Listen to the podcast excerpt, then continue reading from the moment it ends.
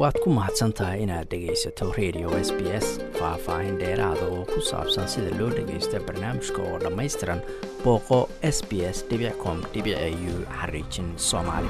xisbiga nationaalku waxay ku faanaan inay matalaan danaha dadka ku nool gobollada yaryar iyo miyiga dalkan australia iyagoo matalayay in ka badan boqol sano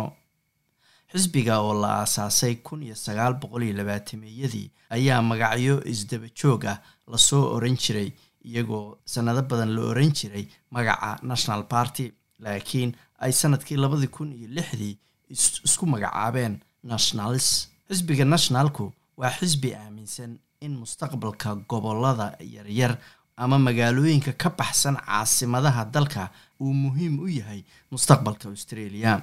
Waxay sheegeen inay ka go-an tahay inay dhidib adag u noqdaan dadka ku nool deegaanada ka baxsan magaalooyinka si ay dhammaan gobolo hoosaadyada u gaadhsiiyaan fursado wacan iyo barwaaqo. Waxa ayna dan wadaag leeyihiin xisbiga kale ee la yidhaahdo liberaalka iyagoo si wada jira ula baxay magaca coalition oo ah isbahaysi. Xidhiidhka labada xisbi ayaa ah mid soo jireena inkasta oo ay mararka qaarkood mudnaanta siyaasadahooda tartamaya abuuri karaan xiisad. Xisbiga liberaalku waxay had iyo jeer u ololeyn jireen suuqyada xorta ah halka nationalku uu dhaqankoodu ahaa inay ilaaliyaan danaha dhaqaale ee dadka gobollo hoosaadka degan iyo baadiyaha australia. Dor peter jen waa bara sare oo bara arrimaha dowladda iyo xiriirka caalamiga ee jaamacadda sydney. Waxa uu sheegay in xisbiga nationalku uu weli taageero lixaadle ka helo gobollo hoosaadyada iyo baadiyaha. Inkasta oo ayuu yidhi ay xisbiyo kale oo siyaasadeedna soo baxeen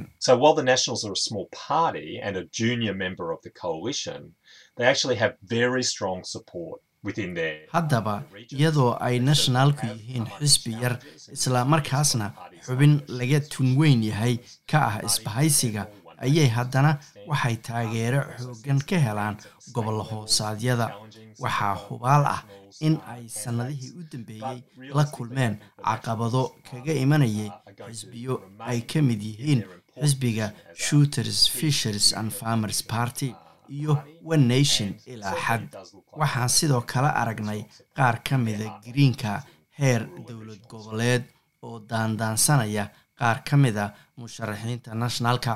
Laakiin dhab ahaantii waxaan qabaa in nationalku ay sii joogi doonaan bartooda muhiimka ah oo ah xisbi isbahaysiya oo da-yar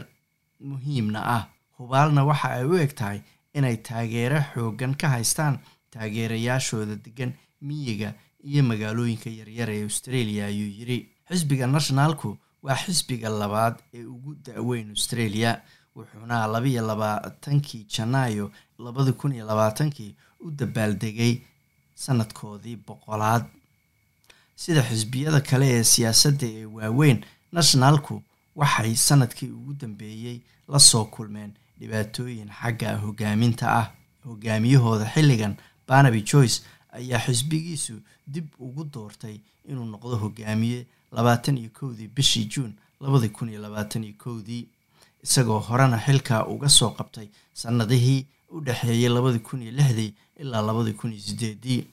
maer joyce ayaa xilka hore uga degay kadib markii la ogaaday in ay kala tageen xaaskiisa islamarkaana uu xiriir la lahaa gabadh shaqaalihiisii hore ka mid ahayd waxaa markaa xilka hoggaanka ee xisbiga la wareegay michael mccormack oo sii hayay ilaa intuu maer joyce dib uga soo faramaroojiyey khabiir dhanka siyaasadda ah dor ian tregenza ahna brofesor ku-xigeen ka tirsan jaamacadda makuare qeybteeda arrimaha bulshada ayaa sheegay in xiisaha loo qabo maer joyce uu ku kala duwan yahay waddanka oo dhan.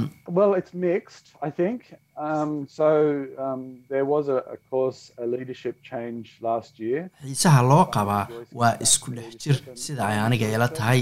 dabcan hoggaanku wuu isbedelay sannadkii ina soo dhaafay oo barnaby joyce ayaa dib ugu soo laabtay hogaaminta xisbiga. waxaana hubaashii laga jecel yahay qaybo badan oo ka mid ah gobollada yaryar iyo miyiga australia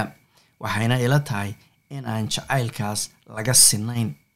waxaana laga yaabaa tusaale ahaan in aanu victoria caan uga ahayn sida queensland iyo new south wales oo kale ayuu yiri rofesorku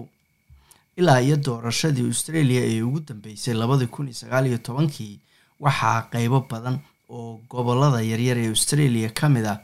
aafeeyey masiibooyin dabiici ah oo baaxad ballaaran sida daadadka dabkaymeedka iyo abaaro.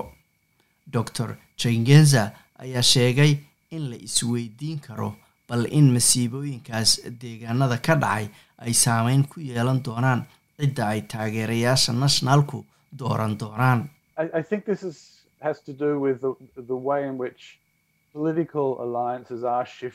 Waxay ila tahay inay tani la xiriirto habka xulafaysiyada siyaasaddu siyaasadda baadiyuhu isaga badbedelayaan waxaa markaa jira dad badan oo beeraley ah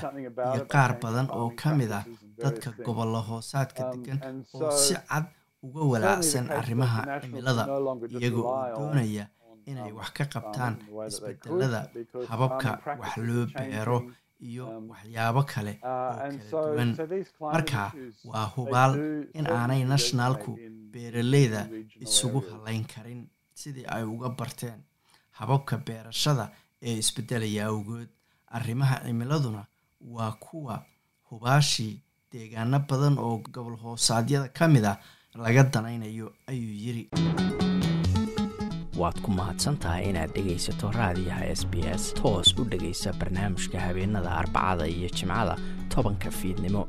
Ama kaga soo cesho website-ka iyaga iyo s b s radio app.